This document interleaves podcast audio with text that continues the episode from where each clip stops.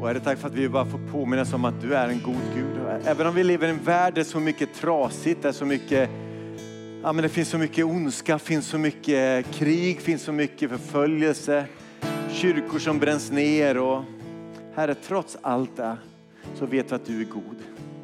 Därför att du har valt att rädda oss ut ur den här världen.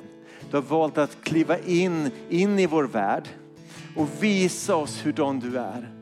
Därför att om vi vill veta hurdan du är, då kan vi titta på korset där du, där du Gud var villig att offra ditt eget liv för vår skull. Och när vi ser på korset så inser vi bara att du är god. Trots att du blev hatad, föraktad, slagen, misshandlad och dödad så visade du att du älskar oss. Och tack för att du dog för vår skull. Du är god.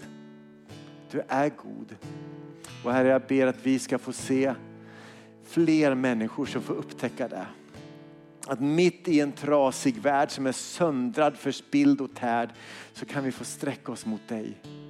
Och tack för att du kan kliva in i våra liv och ge oss ett hopp om att det finns en bättre framtid. Det finns en himmel som väntar, en evighet som väntar.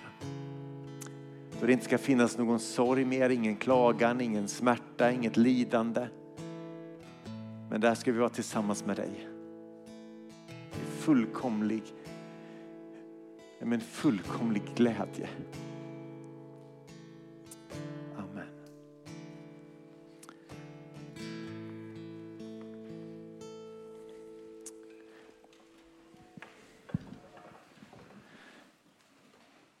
Härligt att se er.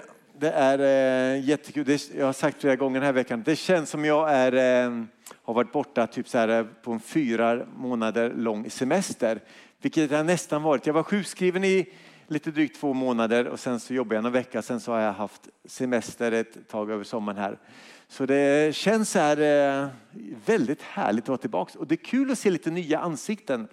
Jag bara säga att är du här för första gången eh, eller vill du bara liksom spana in vilka Immanuelskyrkan är, speciellt välkommen.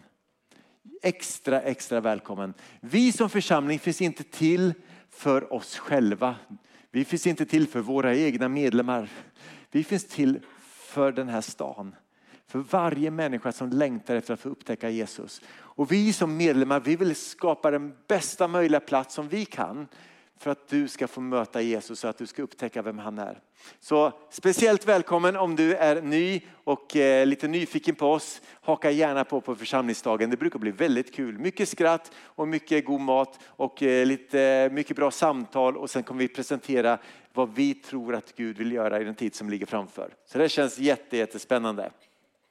Vi har haft en serie den här sommaren där vi har valt att kalla eh, Gör plats för Jesus. Och jag tror att Kim, när jag lyssnade på en gudstjänst när jag var sjukskriven, berättade att det kommer bli en sommar då vanliga människor predikar. Och jag vet inte riktigt hur man ska tolka det. Om vi inte brukar ha vanliga människor i normala fall. Men eh, så i alla fall. Det har varit jättehärligt att höra de här predikningarna. Att få höra liksom vad, vad Gud lägger på människors hjärtan. Få berätta att det här tror jag Gud säger till oss. Och det har så otroligt många jättebra predikningar så gå gärna in och lyssna på det. Och jag tror att det här temat att göra plats för Jesus är bland det viktigaste man kan tala om. För det finns inget viktigare i livet än att faktiskt som människa bestämma sig för, att fatta det beslutet att jag vill öppna mitt liv för Jesus. Jag vill göra plats för Jesus i mitt liv. För att mitt i en värld som är så extremt individualistisk, där vi mest tänker liksom att vad finns här för mig? Så är det risk att den, det synsättet också smyger sig in i våra kyrkor. Och vi tänker att okej, okay, jag behöver lite tröst så jag, jag, ska testa Gud om det funkar. Och liksom att man vill, jag vill att han ska finnas där för mig och, och om han finns där för mig då kanske det funkar det någonting att satsa på. Men jag ska bara säga i början så att kanske inte så precis där du behöver höra eller vill höra rätt sagt. Gud finns inte till för oss.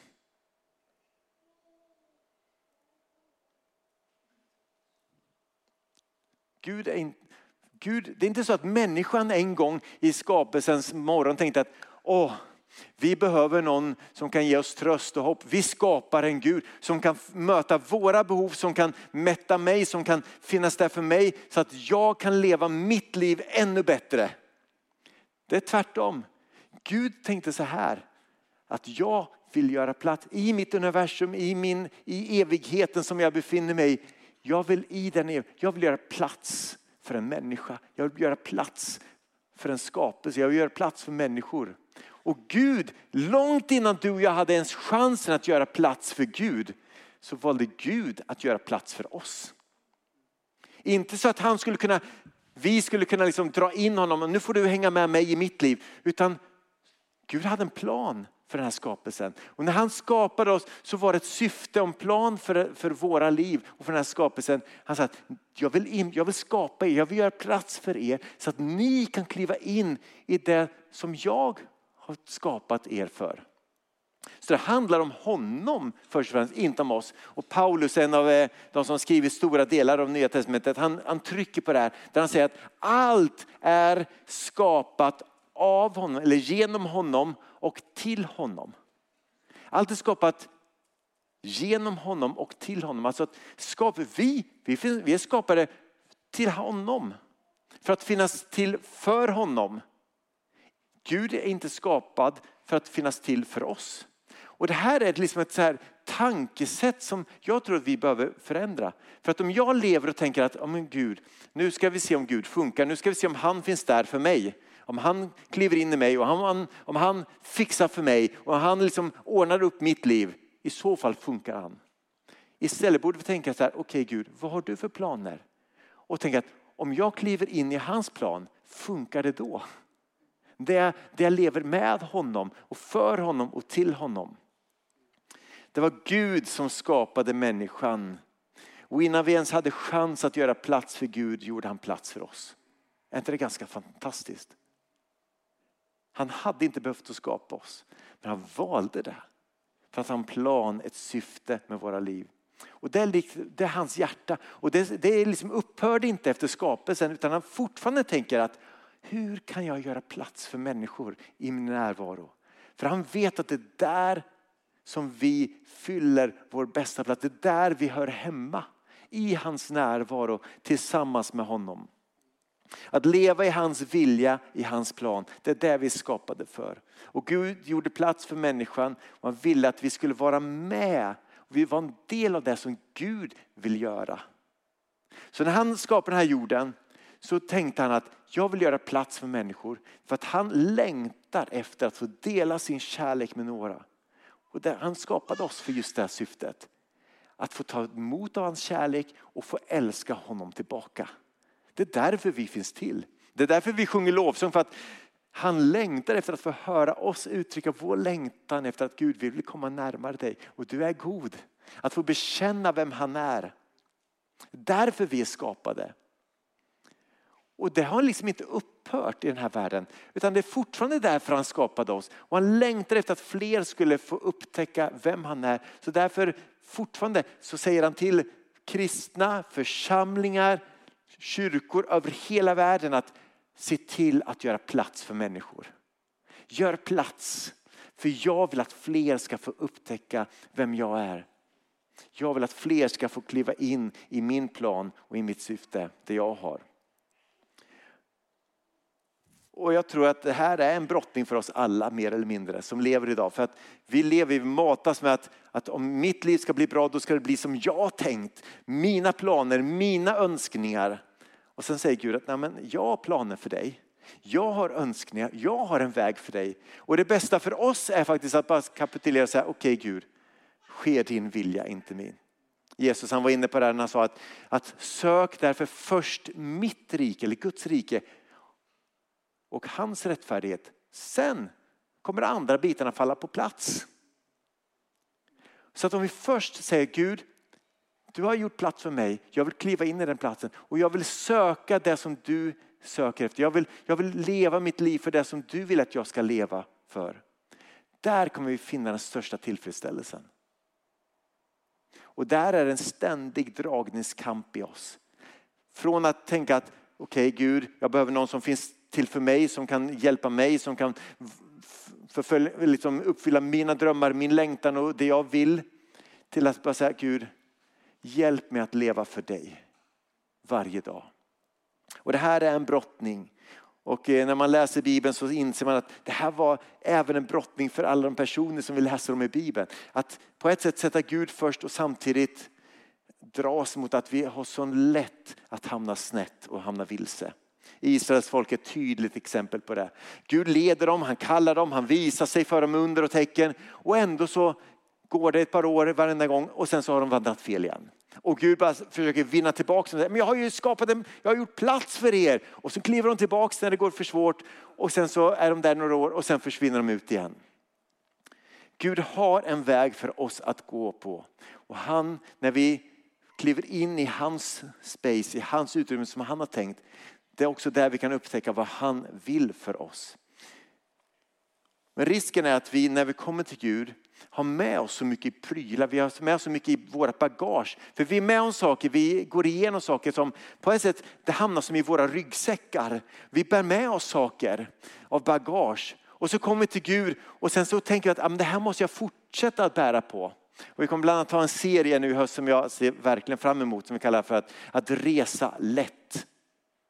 Hur kan vi leva våra liv på sånt där vi får lyfta av oss de där bördorna som tynger ner oss? Hur kan jag släppa det där bagaget av vad andra har sagt till mig eller gjort mot mig? Eller hur kan jag släppa allt det där och säga okej okay, Gud, jag lägger ner det där nu. Led mig på din väg. Det kommer bli så bra. Jag kan bara förvarna lite där. Det är jätte, jättespännande. Idag ska vi dyka ner i en bibeltext ifrån Matteus evangeliet. Matteus är ju, han är den perfekta övergången från gamla testamentet in i nya testamentet. Och Matteus är det brev som, eller det evangelium som inte skrevs först men som vi har först i vårt nya testamente. Och han gör ständigt återkopplingar till den berättelse som redan har pågått ett tag. Det Gud har gjort bland Israels folk. Och sen så matar Matteus på att okej, okay, så här är det, är det Gud är. Så här god är han. Och vi ska läsa från Matteus 9 och vers 1. Och vi ska läsa 13 versar. Och jag kommer som när jag pratar med barn ofta säga att vi kommer trycka mycket på pausknappen. Vi kommer läsa lite och sen kommer vi pausa. Eh, vi kommer läsa lite mer i början men sen kommer vi pausa mycket och liksom bara dyka ner. Vad står det egentligen? Så det känns jättespännande. Så Matteus 9 och vers 1 ska vi få upp på skärmen och vi ber innan. Herre, tack för att vi kan få öppna ditt ord, läsa vad, vad som står där och vi ber att du ska tala till oss. Låt ditt ord tala till oss in i våra liv. För vi inser att du längtar efter att göra plats för oss. Du längtar efter att få kliva in i våra liv. Du längtar efter att vi ska få upptäcka vem du är. Så är det uppenbara för oss vem du är den här stunden. Amen. Han steg i en båt, det vill säga Jesus, och for över sjön till staden där han bodde. Där kom de till honom med en lam man som låg på en bår. När Jesus såg deras tro så sa han till den lama, var inte orolig mitt barn. Man kan undra liksom att, vad tänkte de där liksom när de skulle, vad han skulle säga härnäst. Men han säger så här, dina synder är förlåtna. Jag tror att de flesta av lärjungarna kanske tänkte att var inte orolig, du ska snart gå igen. Men det sa inte Jesus först. Han sa så här, dina synder är förlåtna. För jag tror att när Jesus möter en människa så ser han inte bara det, liksom det yttre, han ser inte bara göran, liksom vad som finns där. Han ser också djupare än så. Och han såg att det i den här lame mannen fanns någonting mer, någonting viktigare än att han skulle kunna gå. Så att han skulle få förlåtelse för sina synder. För förmodligen för vi vet från andra exempel i evangelierna så, så var det så att om man var sjuk så såg man det som ett straff på grund av någonting som jag hade gjort. Men Jesus tittar på honom och säger att du, dina synder är förlåtna. Men då hände någonting. Några skriftlärda sa då för sig själva, han hädar ju. Och när Jesus såg vad de tänkte så sa han, varför bär ni onda tankar i era hjärtan? Vilket är lättast att säga, dina synder är förlåtna. Eller att säga, stig upp och gå. Men så säger han till alla, för att ni ska veta att människosonen har makt här på jorden att förlåta synder. Och sen talar han till den lama, stig upp, ta din bår och gå hem. Och mannen steg upp och gick hem. Och när folket såg det greps de av fruktan och prisade Gud som hade gett en sådan makt åt människorna. Och sen fortsätter det här från vers 9. Jesus, han fortsätter därifrån. Efter att ha gjort det här och lärjungarna som varit med honom tittar, wow, nu prisar folket Gud alltså, det här är bra grejer. Nu är vi verkligen på gång. Det här Jesus, Fortsätt med det här, för det här ökar på liksom med vår popularitetskurva. Det här, om du fortsätter den här takten, då kommer snart Jerusalem öppna portarna för oss och säga, välkommen kung Jesus, det här blir bra. Så Jesus fortsätter därifrån. Och då såg han en man som hette Matteus sitta utanför tullhuset. Och han sa till honom, följ mig.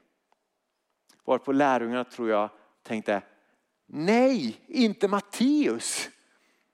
För det här var Jesu hemstad. Flera av lärjungarna kom från det här området. Kanske Matteus brukade titta på Petrus och säga, du, du ska betala skatt. Och sen visste han att när Petrus gav skatten så tog Matteus lite och stoppade i sin egen ficka. För han var tullindrivare. Och det man det vi inte liksom, vi tänker att okay, han jobbar på skattemyndigheten. Men på den här tiden var det inte riktigt så. En tullindrivare var snarare en förrädare till landet. Och för Israels folk så var det så att man tänkte inte så jättemycket att ja, men vår nation och vårt land. Utan de tänkte väldigt mer teologiskt kring sitt land. De tänkte så här att vårt land är utvalt av Gud. Så att om någon vill anfalla oss så är det Gud man anfaller. Det innebär att när de då, Matteus, hade anslutit sig till att samla in skatt åt romarna så var det ju inte liksom att det var judarna mot romarna utan det var ju Gud mot romarna och nu hade ju Matteus valt sida. Han hade valt sida för romarna mot Gud. Så de såg, alltså Matteus han var ju förlorad. Han var helt borta. Han var uträknad för de absolut flesta människor. Och så står det så här att Jesus säger följ mig. Och det här är ju inte en inbjudan. Det här är en term på grekiska som är en befallning, en militärisk eh, liksom befall, ett kommando. Följ mig, pang.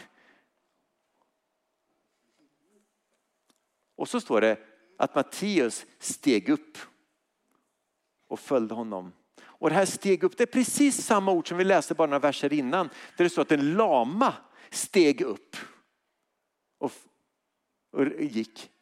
Nu står det att den här tullindrivaren steg upp.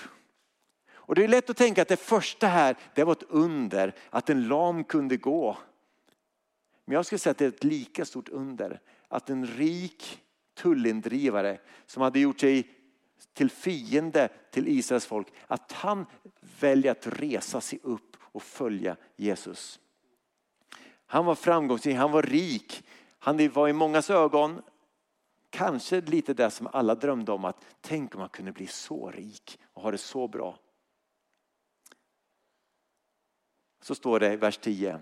När Jesus sedan låg till bords i hans hus. Alltså, det räcker inte bara att Jesus skulle bjuda in honom att vandra med de andra elva. Han skulle dessutom gå hem till honom. Vilket var helt åt skogen. Så här gjorde man inte, så här fick man inte göra. Så när Jesus sedan låg till bords i hans hus kom många tullindrivare och syndare dit och lade sig till bord tillsammans med honom och hans lärjungar. Jag bara tänker hur det här gick till. Tänk på morgonen, frun packar väskan kanske och lite lunchlåda till Matteus som ska gå iväg till tullhuset och eh, driva in lite pengar. Frun hoppas att han kommer hem med lite extra så att hon kan köpa någon ny klänning eller någon tåga eller vad heter det, så här direkt. Och sen så, eller nya sandaler eller en snabbare kamel. Så kommer de tänka att frun att det här blir jättebra. Så, men så kommer han hem lite tidigare från jobbet eh, är du redan hemma? Ja, jag har slutat. Har du slutat? Ja, så jag har med mig lite folk hem. Vi ska ha liksom en pensionsmiddag här. För jag har gått i pension från mitt jobb.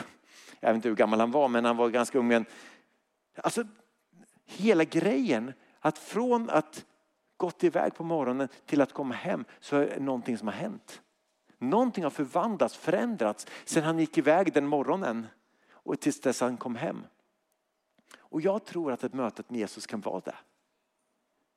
Ett möte med Jesus kan förändra en människa på en dag. Kan vända upp och ner på våra värderingar, på våra prioriteringar. Ett möte med Jesus kan, kan skapa, skaka om saker i våra liv så att vi bara känner, ah, nu vill jag leva annorlunda. Och det är därför en av de grejerna det är så häftigt med alfa. För där kan man se hur nästan ibland bara, okej okay, nu trillar poletten ner. Nu. Och sen har det hänt någonting från just den dagen. Och jag vet inte hur många gånger jag, man har fått sitta i olika förbönssituationer. Man har bett för någon som säger att Amen, jag, vill, jag vill öppna mitt hjärta för Jesus. Och man ser hur någonting händer i dem. Därför att de får möta Jesus. Och någonting förändras i deras sinne, i deras tankar, i deras liv. Man bara, och helt plötsligt börjar de upptäcka saker som de inte har blivit undervisade om. Men, men Guds ande som nu bor i dem berättar saker för dem och finns där och, och vägleder dem. Och det är så häftigt. Så vill du vara med och se sådana häftiga saker, fråga Kim om få vara med på Alfa som ledare. Det är fantastiskt roligt. Men så låg de där vid bordet och jag tror att Matteus han var bara glad. Tänk att han kom hem till mig och alla hans kompisar. De där har jag hört ryktet om. För lärjungarna var det inte rika roll tror jag. Vad ska folk tänka nu? De som nyss prisade Gud för att det var så bra. Vad gör de nu? Vi ligger till bord här hemma hos Matteus. Det här är inte bra för ryktet. Fariseerna, de såg det och sa till lärjungarna. Hur kan er mästare äta tillsammans med tullindrivare och syndare? Och vi, vi, vet inte vad mycket de andra var, men att vara tullindrivare och syndare, vi vet inte alls vad det var för slags människor, men vi kan bara gissa. Fariseerna, de hade en syn, nämligen, de hade utvecklat en syn under ett par århundraden där man hade tänkt så här att eftersom Gud har sagt i sitt ord att om vi vänder oss mot Gud då kommer han att skicka bort oss och deportera oss. Och det hade hänt. De hade kommit till Babel på grund av att de inte hade följt Gud och hans bud. Och de hade kommit dit, sen hade de fått komma tillbaka men fortfarande var de ockuperade. Så de hade börjat tänka så här att om vi som folk och nation, om vi renar oss, om vi blir lite mer heliga och rena, då kanske vi blir kvitt detta tyranni som vi lever under. Så de tog gamla testamentet, lagens, alltså Moseboken, tog lagen och tänkte att om vi alla skulle applicera det som gäller för, för leviten och för prästerna. Tänk om vi alla skulle göra det. Och så tog de här renhetsreglerna som gällde för templet och sen sa man det här gäller för hela våra liv. Vi ska betrakta våra hem som templet och våra matbord som offeraltaret i templet. Så de här renhetsreglerna då som prästerna skulle gå igenom för att få gå in i templet, de tillämpade de nu på sina egna liv. Det innebär att de fick inte röra vissa saker, de fick inte göra vissa saker, de fick inte gå till vissa platser för då var de orena och då kunde de inte vara rena. Och eftersom vi fortfarande lever under förtryck, under liksom romarnas press, så har vi ännu inte blivit tillräckligt rena så att Gud kan befria oss. Det var den bild som man levde med. Och sen så kommer en, en man då som har, tydligt har med Gud att göra, det vill säga Jesus. Och sen så ser fariséerna honom och sen smutsar han ner sig genom att gå in i ett hem. Och ibland så glömde de tvätta händerna och de glömde tvätta fötterna och de blev förskräckta. För Jesus sabbar nu liksom hela grejen att försöka bli ren, bli, bli ett land som är rent. Och nu en religiös ledare som kommer ibland och, och som sabbar allting som vi försöker göra. Det var inte det att Jesus bara, de tyckte att amen, var synd om honom, utan det är synd om oss. Så om Jesus får fortsätta då smutsar han ner oss allihopa. Det här går inte vägen. Så här får det inte vara. Synd och orenhet hade gjort att man befann sig där och så tänkte jag att vi måste själva ta itu med det här. Men Jesus har en annan plan för vår synd. Och Jesus han hörde vad fariseerna sa och sa, det är de friska som behöver läkare. Det är inte de friska som behöver läkare utan de sjuka. Alltså han säger, vet ni vad fariséer, ni har missuppfattat det här. Ni tänker ordning och reda utifrån polis.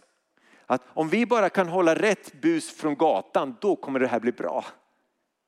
Ni tänker fel. Ni ska tänka läkare. Och en läkare går inte hem till några friska och säger att du, jag har en skalpell. Ska vi skära lite i dig, Andreas? Det går vi inte med på. Du säger att ursäkta mig, där är dörren. Däremot om jag ligger på operationsbordet så välkomnar jag läkaren. För de sjuka som behöver läkare. Och det var så Jesus såg på sig själv. Han såg människorna, han såg att det här står inte rätt till. Den här synden, det här, allt det finns i och det, vi måste göra någonting åt det. De är sjuka. Synden har gjort dem sjuka. Vi måste bli kvitt det där. Men hans plan var inte fariséernas plan. Att stöta bort människor och liksom rena sig själva och göra det bästa själv. Utan han hade en annan plan. Det var därför han låg till bords hemma hos Matteus. Och jag tänker bland annat, när Jesus sa det, det är inte de friska som behöver läkare utan de sjuka. Tänk om Matteus hörde det. Han kallade mig sjuk. Yeah, high five på den. För jag tror att han visste om det. Han visste att det står inte rätt till här inne. Fariséerna trodde, vi har minsann fattat det här. Vi, här inne står det rätt till. Men Jesus ville visa att vi alla behöver hans förlåtelse och hans nåd. Det är inte de friska som behöver läkare utan de sjuka. Gud är inte en polis, han är en läkare. Han vill hela, han vill upprätta. Och lite senare så kallar han inte bara Matteus sjuk, han kallar honom faktiskt för syndare. Men han visste om det. Han visste att han behövde nåd och förlåtelse. Och sen säger Jesus så här till fariseerna. Gå och lär er. Gå och lär er vad som menas med orden. Och sen så citerar han eh, en, en, text från gamla testamentet. Och det här var ju verkligen knäpp på näsan för att fariseerna, många av dem kunde citera hela gamla testamentet och texterna utan till. Och han säger, du, ni behöver gå i söndagsskolan igen. Ni behöver gå tillbaka och läsa vad som egentligen står skrivet. Gå och lär er vad som menas med orden. Och sen säger han här, barmhärtighet vill jag se och inte offer. Och så citerar han Hosea. Och när, på den här tiden när en judisk rabbin eller ledare, när de ville när de citerade ett bibelord så var det inte bara de där orden som han citerade utan det var hela sammanhanget han hänvisade till då också. Det innebär att fariseerna som hörde att Jesus sa att barmhärtighet vill jag se och inte offer. Så tänkte de, okej okay, Hosea, vem var Hosea? Jo, det var en profet som hade en fru som blev prostituerad. Och sen säger Gud att gå och leta rätt på din fru igen. Ta tillbaks henne till din fru. Ja men hon har haft massa olika män. Ja men ta tillbaks henne. Och han gör det. Och får köpa tillbaks henne. Därför att Gud säger då genom Hosea att ni Israels folk, ni har haft så många andra gudar men jag vill ändå köpa tillbaks er. Jag vill, trots att ni har vandrat så långt bort, så vill jag göra plats för er igen. Jag finns här och jag gör plats för er. Det är en Gud som vi tror på. Men jag tror inte att fariséerna blev glada att höra det. Barmhärtighet vill jag se och inte offer. Och Hosea berättar, liksom beskriver de religiösa ledarna som vaknar på morgonen och hänger sig till Gud men så fort som morgonen är förbi så är liksom deras gudsfruktan och deras renhet som bortblåst. Och barmhärtigheten finns inte. De ser sjuka, de ser drabbade, de ser, som ser liksom de som är fattiga, främlingen, flyktingen och prästerna gör ingenting. Däremot så spär de på det här i Hosea. Läs gärna det. Och sen säger Jesus de här orden. För jag har inte kommit hit till jorden för att kalla rättfärdiga utan syndare. Alltså det är inte de som ser sig själva som goda som kommer att välja att kliva in i Guds utrymme. Utan de som ser sig själva som misslyckade och onda. Himlen är inte en plats dit goda människor kommer. Himlen är en plats dit förlåtna människor kommer. Och när man läser Matteus så fattar han det här. Han säger, ja, men jag är sjuk, jag är en syndare, jag behöver förlåtelse. Och han klev in på den platsen Gud ville ha honom. Och han följde Jesus. Och han vandrade med Jesus. Och han blev en av de tolv lärjungarna.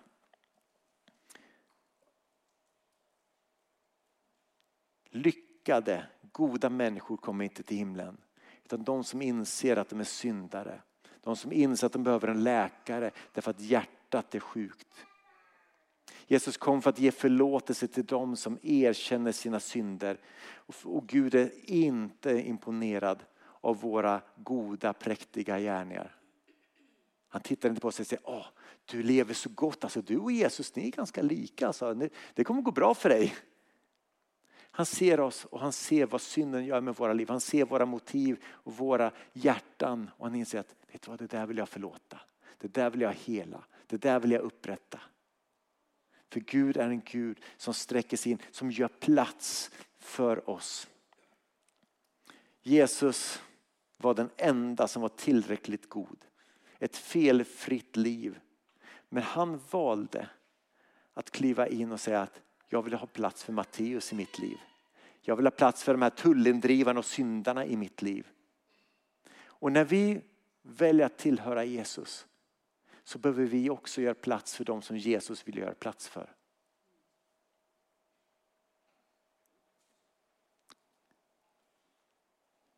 Han var den enda som var tillräckligt god.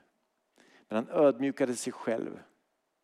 Klev in i vår värld, föddes fattig i ett stall. Fick lida, fick dö för att vi ska få en plats hos honom. Men vi kan inte komma till honom med goda prestationer och liksom en felfri meritlista, för det har vi inte.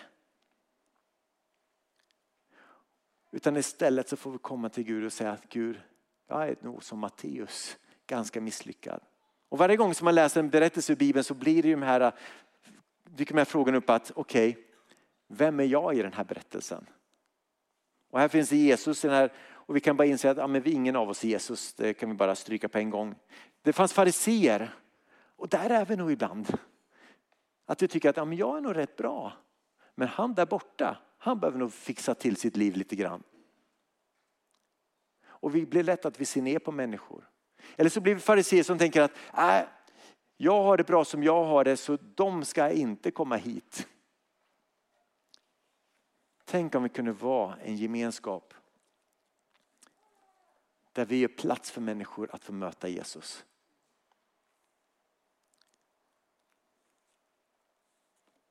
Det fanns en annan grupp, det var, det var ju Matteus och hans kompisar också. Och jag tror att det vi ska få tag i i den här texten, det är just att vi ska inse att vi ska inte vara som fariseerna. Vi ska, vi ska erkänna att vi är som Matteus. Vi behöver förlåtelse. Vi är en syndare. En, en grupp av personer som inte fanns med i den här berättelsen, som jag tror finns kanske idag mer i våra kyrkor. Det är den här gruppen som ibland kan säga att, ja men var inte så hård mot Matteus. Han, han gör så gott han kan. Han kan fortsätta vara lite tullindrivare. Han kan fortsätta att sno åt sig lite pengar och stoppa i egen ficka. Om han är lite girig, vad gör det då? Skadar väl inte någon? Ja, lite kanske, men det är väl, det är väl hans grej. Den gruppen av människor fanns inte här. Men jag tänker att Jesus, han bemötte människor. Han bemötte Matteus genom att säga att jag vill att du följer mig. Jag ser att du är sjuk, att synden har gjort dig sjuk. Du är en syndare, men jag vill förlåta dig. Och han var inte rädd för att säga det. Och sen sa att kom in på den plats som jag har skapat för dig och bli en del av mitt rike. Bli en del av det som jag faktiskt skapade dig att vara en del av. Att utbreda Guds rike, att få se fler som får upptäcka vem Jesus är.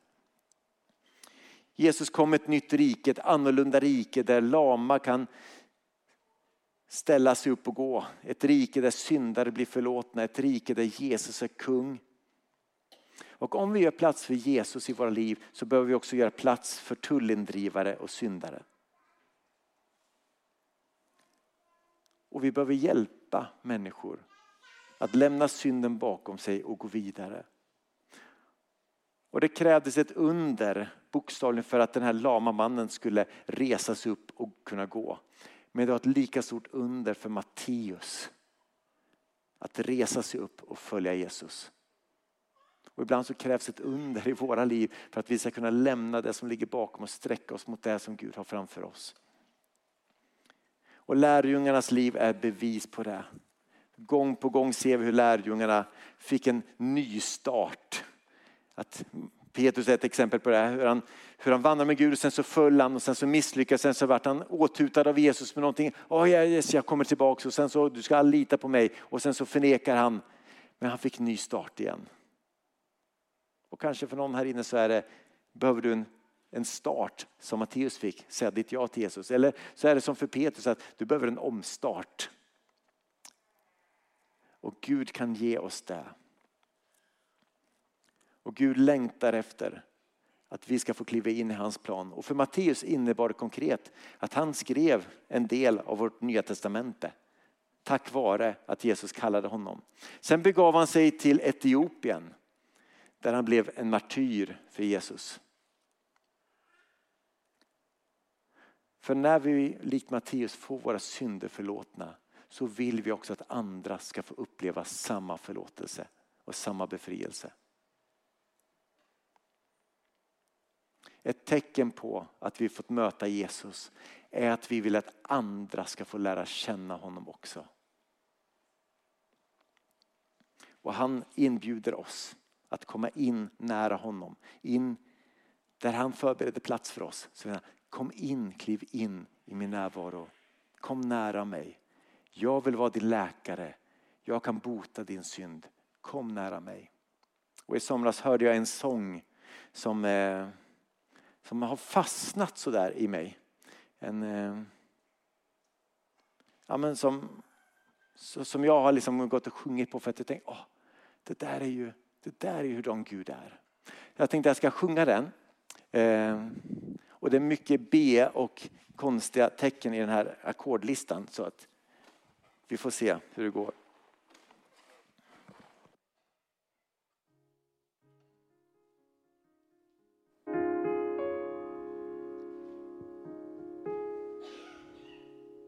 Kom nära mig, du människobarn,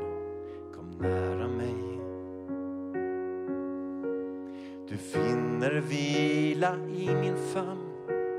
Kom nära mig. Jag skapat himmel, hav och jord och dukar nu för dig mitt bord. Kom nära, du som hungrar. Jag vill mätta dig. Kom nära, du som tveksam är. Kom nära mig.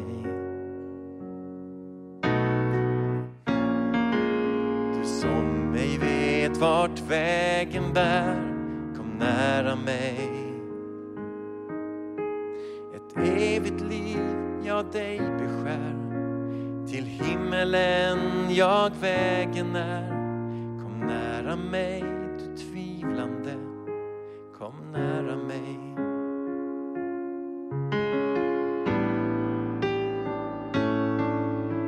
Kom nära du som sorgsen är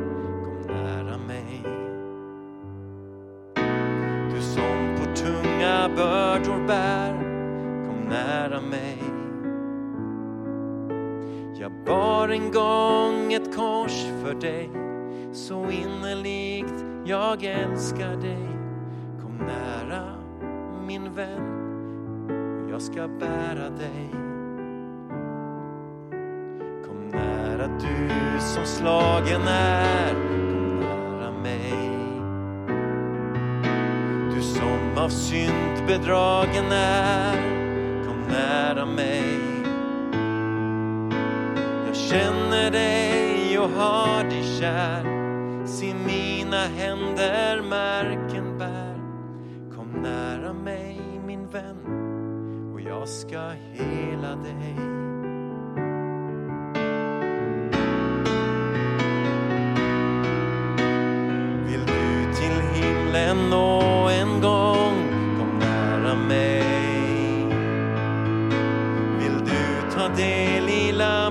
Lammets sång, kom nära mig.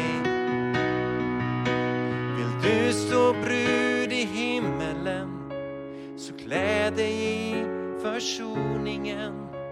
Då ska du för evigt vara nära mig.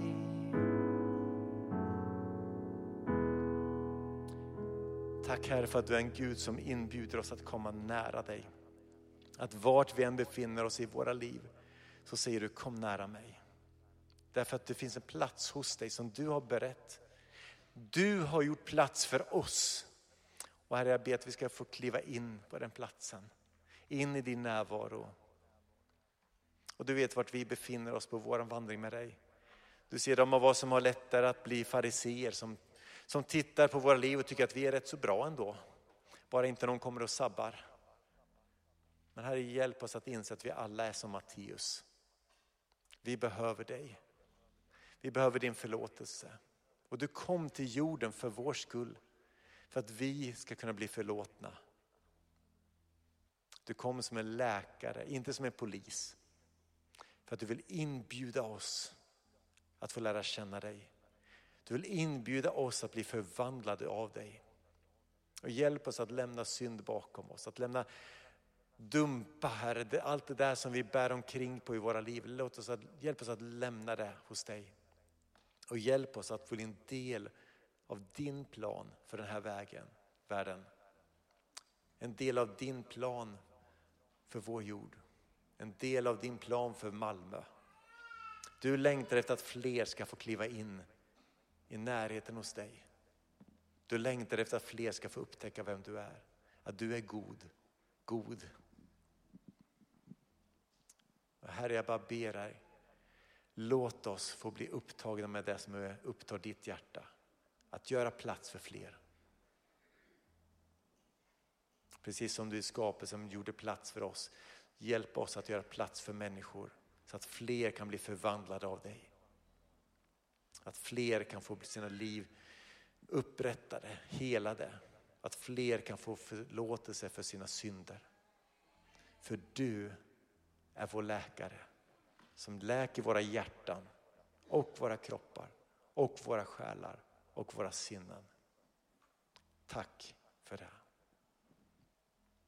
Amen.